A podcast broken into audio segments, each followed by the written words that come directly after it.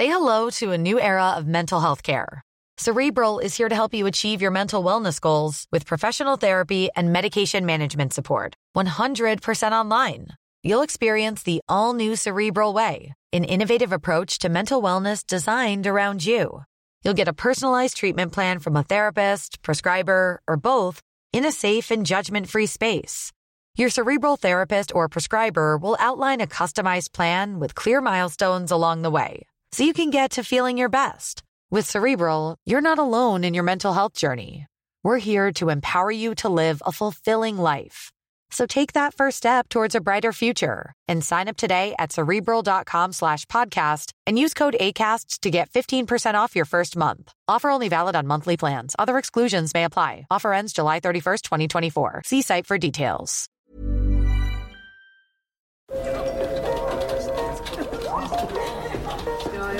Dette er lyden av norsk næringsliv. Akkurat nå tas det små og store valg som kan bli avgjørende for fremtiden. Med økonomisystemet X-Leger tas disse beslutningene basert på informasjon i sanntid, slik at drømmer og ambisjoner kan bli virkelighet. Få kontroll og oversikt, gå inn på xledger.no. Denne sendingen er sponset av Xleger.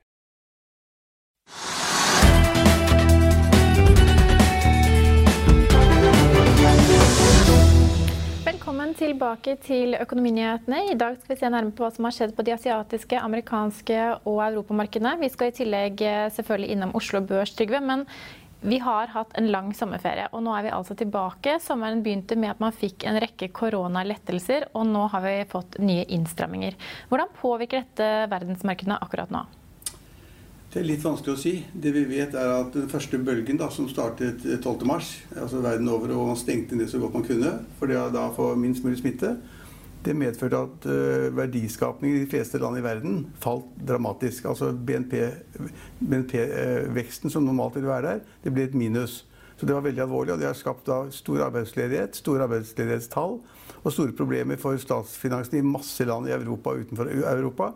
Og så er man redd for en ny bølge nå, hvor man da på en måte må stramme inn i Frankrike, stramme inn i Spania igjen. Kanskje også i Norge. Det har vi delvis begynt med. Eh, og vi vet ikke hva innstramning i Norge vil føre til. F.eks. at man da ikke har skjenking etter klokken tolv og den type ting. Så man, alle strammer litt til, og det betyr at da blir veksten noe lavere, vil jeg tippe. Så det, hvis vi får en bølge nå, da, en bølge to, og det strammes inn mye mer, så vil vi få høyere ledighet, færre mennesker som har inntekter, og det vil påvirke da verdensøkonomien ganske dårlig. Ja, og så ser vi at Oslo Børs i dag står i 855. Det er fortsatt et stykke unna all time high i midten av januar. Da var vi oppe i 946.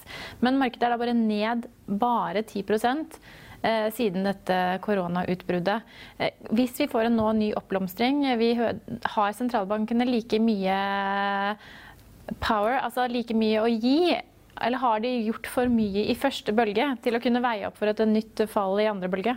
Ja, Det er et kjempevanskelig spørsmål. og Eh, det vi vet, er at, eh, at eh, det som kan skje, vil påvirke økonomien ganske mange steder. Og så vet vi da det at mange land vil sannsynligvis kunne øke det, den finanspolitikken de har, for å øke etterspørselen osv. I USA f.eks. er det en kjempefight nå om man skal øke denne redningspakken eller ikke. Og så blir man ikke enig i Kongressen, og så da tar Donald Trump tar ned de støttebeløpene som da for husholdninger har fått, mens andre vil ha det opp osv. slik at Eh, det er nok noe å gå på, men jeg tror det blir verre da, å støtte økonomien verden rundt i, annen, i, en annen fase enn det var i første fase. Og det, betyr, eh, og det har vi sett på Oslo Børs, at Oslo Børs har vært rimelig flatt i det siste. Og Det skyldes det at mange mente at verdens børser var for høyt, har gått for mye. altså Prisingen ble for høy. Så man forventet da på en måte at kanskje et, et fall i de internasjonale børsmarkedene i Europa, i USA og i Norge. Det har vi ikke fått. Som du sier, så Markedene er bare ned 8-10 Det er ikke veldig mye når man tenker på hva som egentlig har skjedd. og Derfor har mange nå vært redd for at det var høyt priset før, f.eks. i Norge. Og at man da nå lettere vil få et eh, ganske dramatisk fall. Og mange har spådd et ganske kraftig fall i Europa, i Norge og i, og i USA i tiden fremover. Så det, det, hvis vi får denne andre bølgen, da, dette er veldig vanskelig og viktig, så er det mer sannsynlig at vi får et fall på, på børsene enn vi får en økning på børsene. Og Derfor er det veldig usikkert akkurat nå. Ja. Annet, da går vi over til hva som er hendelsen i dag, tror jeg. For vi har sett på Brentollen, den ligger nesten oppe i 45 dollar fatet. Men ikke store utslag på oljepris den siste tiden heller? Nei, altså Oljeprisen har vært, lå jo på 43 dollar per fat lenge, og så vippet den opp i 46 så vidt. Og så litt tilbake til 44, nesten 45. Uh, og Noen sier da det at etterspørselen etter olje i verden er på vei opp. og Derfor kan man forvente en høyere oljepris. Det tror jeg ikke noe på. Jeg tror det at det er såpass stor usikkerhet basert på det som har skjedd i første og andre kvartal. Og usikkerheten nå gjør da det at det er ikke noe stor økning i etterspørselen til olje på verdensbasis i det hele tatt. Uh, og vi ser, og, og, og vi ser da at det er kniving fortsatt av liksom tilbudssiden og hvor mye skal man produsere osv. Men det, det, er ingenting som skal løfte oljeprisen akkurat nå. Og får vi da et fall i verdensøkonomien, får vi da et BNP-fall i mange land, så vil normalt da oljeetterspørselen gå ned. Så det, ja, Oljeprisen ligger omtrent der den er. Jeg tror ikke noe på noen oppgang akkurat nå. Og, og, og, Oljeprisen påvirker veldig mange selskaper på Oslo Børs. Det påvirker norsk økonomi generelt pga. skattene og avgifter som er avhengig av oljeprisen. slik at eh, det ser litt dårlig ut akkurat nå. Men, men, siden vi nesten da er oppe i 45 dollar Brenten, vi ser at Equinor stiger 1 dag. Kan det ha noe med at de Eldar Sætre går av og Anders Opedal går på som sjef i selskapet, eller er det uspennende? Nei, det, er, det, er, også et veldig godt spørsmål. for normalt, altså Hvis det skjer store, altså toppledelsen går ut av et selskap, så kan det godt tenkes at selskap, selskap, altså det er kjedelig for den som går av, da, er det at aksjekursen stiger kraftig. Det er liksom Markedet liker at han går av, at han blir erstatta av en ny og bedre mann. Det kunne skjedd. Eller at det faller fordi det er så synd at man mistet denne mannen. I dette tilfellet er det som du sier, så har da eh, Equinor gått opp i underkant av 1% og ligger på 145 kroner eller noe sånt nå. Og markedet har sagt at dette er et gjesp. Altså om han går eller ikke går, det betyr ingenting. Og de vet ikke om den nye mannen er bedre eller dårligere. Og mange har vært litt misfornøyd da med Equinor i det siste, og også med Eldar Sætre. Og Finansavisen spekulerte for 14 dager siden i at det gikk sterke rykter i finansmiljøet og i oljemiljøet om at Sæther ville gå av. og da han går av 14 dager etterpå, så var dette noe som mange kjente til. Og, og har da kanskje disponert ut fra det allerede at liksom, det kommer ikke til å skje noe med eh, Equinor fordi man får en ny leder. Og så har da skifte av leder det har ikke påført noen ting på kursen i dag. Nei. Bare Drilling har jo også hatt skifta toppleder. Jeg vet ikke om det er like spennende, men Patrick Shorn erstatter Sven Anton Maier som toppsjef. Ja, Det kan jeg ikke si noe om i det hele tatt. Men, men, men en ting jeg, vi bør nevne det er i dag. altså en ting at På Equinor er det ikke noe utslag at man skifter ledelse. så det er ferdig med det. 1 er ingenting. Eh, og så har vi da det som skjer med Norwegian, som vi har snakket veldig mye om før sommeren. Før vår lange sommerferie.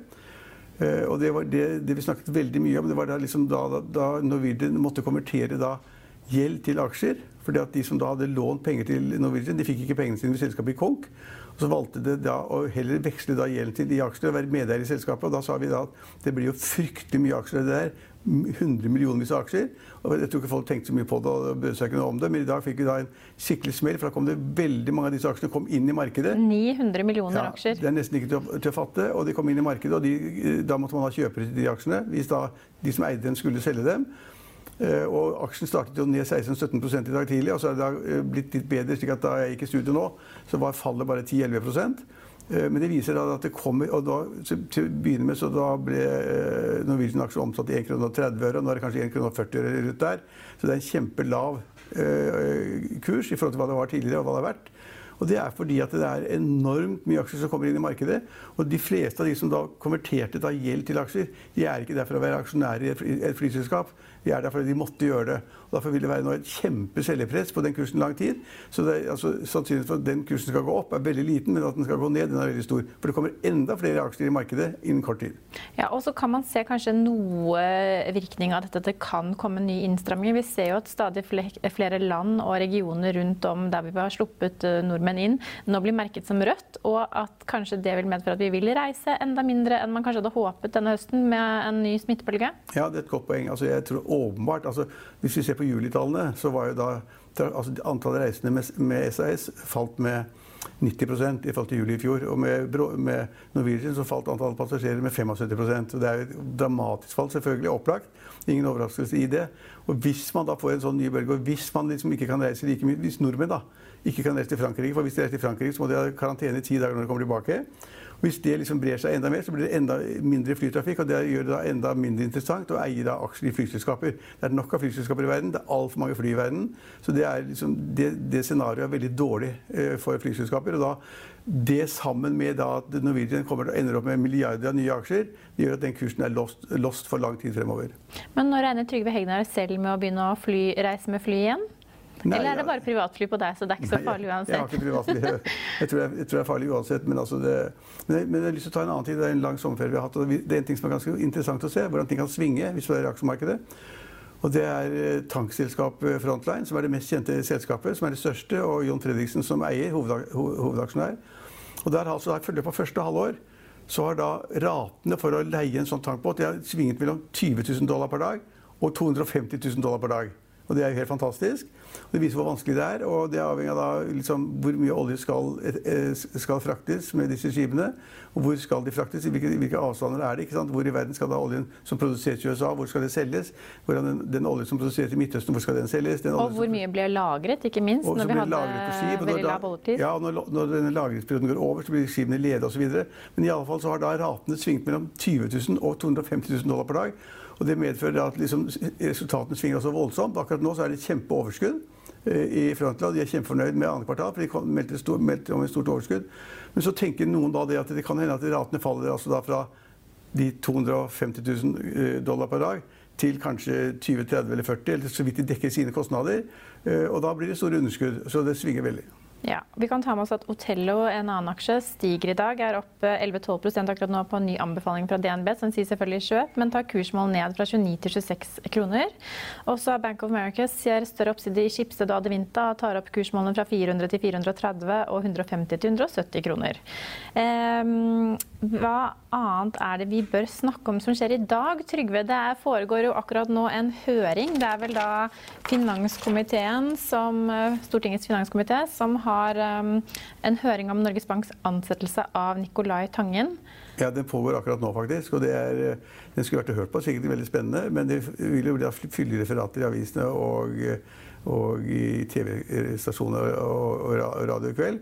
Så Den er godt dekket. Det er direkte sett fra Stortinget. og Det er finanskomiteen som har denne høringen. og Der er det slik at Representantskapet, som er Norges Banks kontrollorgan, de engasjerer ganske heftig med Julie Brodtkorp som leder, tidligere Høyre-politiker med at de er ikke fornøyd med den måten ansettelser har skjedd på. At de mener at det har vært flere brudd på da eh, reglene til Norges Bank om ansettelser, offentlighetskrav osv. Det tror jeg er riktig. Det har vært eh, dårlig offentlighetsarbeid. De, de satte ikke Tangen på søkelisten før, liksom rett før han fikk jobben. Dagen før eller to dager før. Eh, det er brudd på de reglene. Og så er det da det store spørsmålet som er mye viktigere enn da man sto på søkelisten. Nicolai Tangen er åpenbart god. Alle ville ha han. De som da på en måte ser ut fra liksom en forvalt, altså Hvor god er han til å forvalte penger? Hvor god er til å forvalte Norges øh, oljeformue? Der er han god. Men så sier de da at han har beholdt eierandelene sine i de fondene han har bygget opp i England, hvor han har en kjempeformue uh, i disse fondene. Uh, og han har beholdt de eierandelene, for det sa han da han ble spurt. Så sa han ja, ok, jeg kan godt vurdere å bli ansatt i, i, i, i oljefondet, men jeg kommer ikke til å gi fra meg mine, mine eierandeler i de fondene jeg bygget opp. Og jeg har brukt 15 år på å bygge opp de fondene, og de tjener masse penger.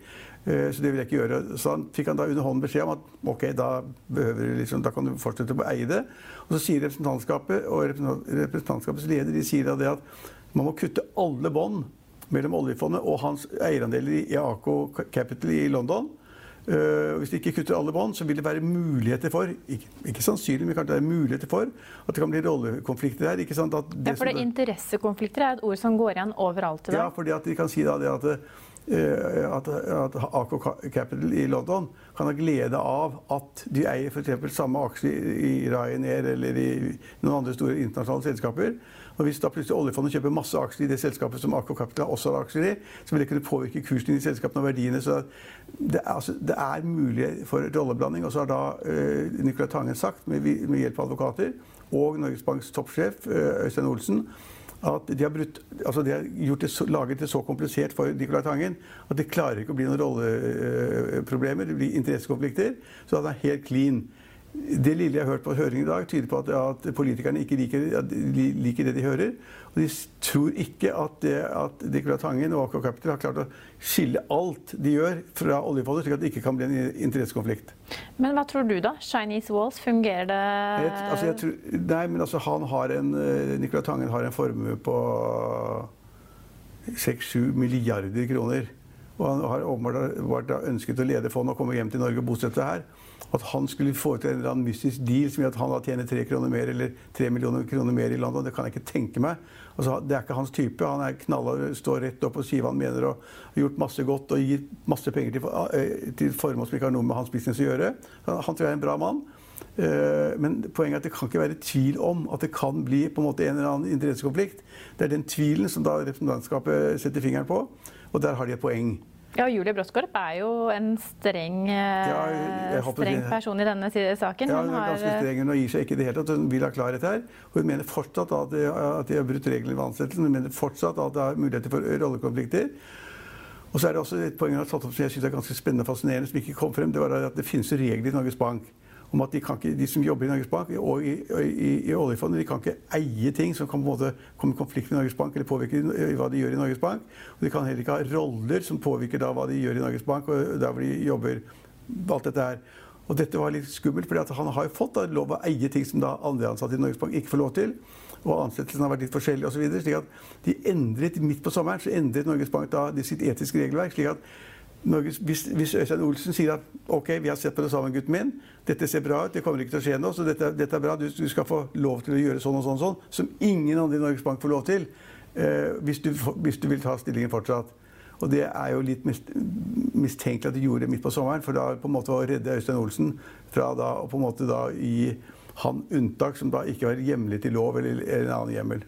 Ja, for de som har fulgt litt med på høringene, så har det jo vært en litt sånn anstrengt tone som du sier, blant uh, toppolitikerne og Øystein Olsen. Og han har måttet forklare seg gjentatte ganger om denne endringen som du nevner her. Ja, men mange av politikerne de liker jo ikke sånn forvaltere som Nicolai Tangen i det hele tatt. Sånn kjempegod forvalter, tjener penger, tjener penger på vegne av mange andre, de som plasserer pengene i hans fond. Og så driver han fondet, har drevet disse fondene med stor suksess. De liker jo ikke det i det hele tatt. Og så begynner de å røre om skatteparadiser. og eh, Skal nå Norges Bank liksom da ha en leder som er for skatteparadiser, eller ikke?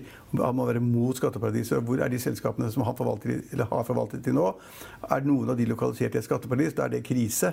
Eh, så det er mange ting her. sånn, og Jeg har sagt før, eh, det var lenge før sommerferien, at jeg skjønner ikke at han tar jobben. Han burde egentlig trekke seg hvis han skal ha et roligere liv. For politikerne er etter han uansett, for de liker ikke forvaltning av penger. Særlig ikke da. Men når han ble ansatt, kunne man forutse at det kom til å bli en så stor debatt? Nei, For den har jo rast i lang tid, det må vi jo si. Nei, ikke så stor debatt, men at det ville bli debatt, det er jeg helt sikker på. Altså, Mannen hadde tjent masse penger, bodde i London, hadde noen skattesaker gående. det var... Eh, altså, det, det, han var for god til å få den jobben i Norge, og Øystein Olsen ble åpenbart himmelfallen av at den type mann kunne tenke seg å søke jobben i Norge. Eh, og da droppet man alle andre. For det er jo liksom et par ting som peker seg ut i første halvår. Det er jo Tangen-ansettelsen og korona. Ja. I hvert fall her til lands. Ja. Men et par ord bare avslutningsvis. Eh, Donald Trump, eh, presidentvalget i USA. Nå er han etter Kina igjen. Han vil ha de vil det til livs på tech-siden. Eh, samtidig som vi får, har en veldig alvorlig smittesituasjon i USA akkurat nå. Hvor viktig blir de neste månedene for Donald Trump og eventuelt den nye presidenten i USA? Altså, han har tre måneder igjen, da. Og han sier så mye dumt. Ærlig talt, Elina. Sier så mye dumt og saklig svakt. Og har så mange rare utspill om selskaper som må selges eller fusjoneres eller ikke får lov til å drive i Amerika osv. At det er helt mystisk å få lov til å drive sånn. og uh, i, For øyeblikket så er jo da Biden han er liksom 11-12-13 prosentpoeng foran Trump. Og hvis Trump skal klare å ta igjen det, så må det et under til. Det er mulig at Trump tror han kan finne på en eller annen sånn konflikt eller nesten krig med Kina. At det kan redde han og at nasjonen samler seg bak han. Det er jo bare tull alt sammen. så Eh, Men det som er litt sånn skummelt ved at vi vet nå at Biden ligger foran, er jo fortsatt det at når Donald Trump vant da, over Hillary ved sist presidentvalg, så var, lå jo Hillary an nesten som en favoritt. Ja. Uh, og man får ikke Men det var ikke forskjell på 12-13 prosentpoeng. Det var det ikke. Nei. Og, og, Trump sa jo helt i de siste valgkampdebattene så sa jo han You are going to jail, you are going to jail. Han klarte å fremstille da Hillary Clinton som nærmest kriminell. Uh, så, men de klarer ikke med Biden. Nei. Så han kan prøve å latterliggjøre Biden, at han er for gammel, at, han har, at han, eh, familien hans har gjort noe galt i Øst-Europa, eller et eller annet sånt noe. Det kan bli en ganske tøff valgkamp. Men Trump ligger nå etter fordi han har håndtert denne koronakrisen abs så absurd dårlig. Sinnssykt. Det kommer stadig sitater fra hva han sa for tre uker siden, og fem uker og seks uker siden. Og han sa jo det at det, er ikke noe, det finnes ikke noe virus, og det kommer til å gå av seg selv. Det er bare en, en form for alvorlig forkjølelse. Og så var det da noen medisiner han sa man kunne bare helle i seg, så ville da koronaviruset yes, bli borte. Han har sagt så mye sludder. Han foreslo vel rett ut at man kunne jo kanskje forsøke å drikke litt antibac, liksom, ja, eller bare klor, for ja, å se om det forsvant. Han har sagt så mye dumt, og det tror jeg det er det som drar ned ikke da, altså utviklingen i amerikansk økonomi, som kunne skaffet han en, gjenvelgelse, men det er det at folk sier at de fleste mennesker har hørt på en eller annen debatt og hørt hva som er sagt, og så ser de da smittetilfellene bare øker og øker i Amerika, og antall døde øker og øker. og øker. De ser det samme skjer i Brasil, de ser blomster opp overalt. Og så står han Tufsen frem og sier da, det at det er liksom Eller han sa før, da. Det var ikke noe å bry seg om. Det ville gå over av seg selv og bare bli varmt til sommeren. Til våren så ville det gå over. og det, Alt det han har sagt, er feil. Og de, jeg vil anta at 90% av alle som hører og ser på han, de ser at han har tulla med de greiene. Har ikke forstått noen ting. Nei, Og smittetallene er som sagt er dramatiske. svært dramatiske Ja, i USA. Men vi skal snakke mer om det utover uken, vi altså, Trygve. I Finansavisen i morgen kan du lese Trygve Hegnars leder om at aksjemarkedet gjesper av ny Equinor-sjef, Storebrands himmelferd med grønt fond, og at tanknedturen fortsetter og med overkapasitet i VLCC-markedet. Husk at du også kan høre våre børskommentarer og gjesteintervjuer i vår podkast. Den finner du på finansavisen.no podkast. Vi er tilbake i morgen klokken 15.30. Følg med oss igjen da.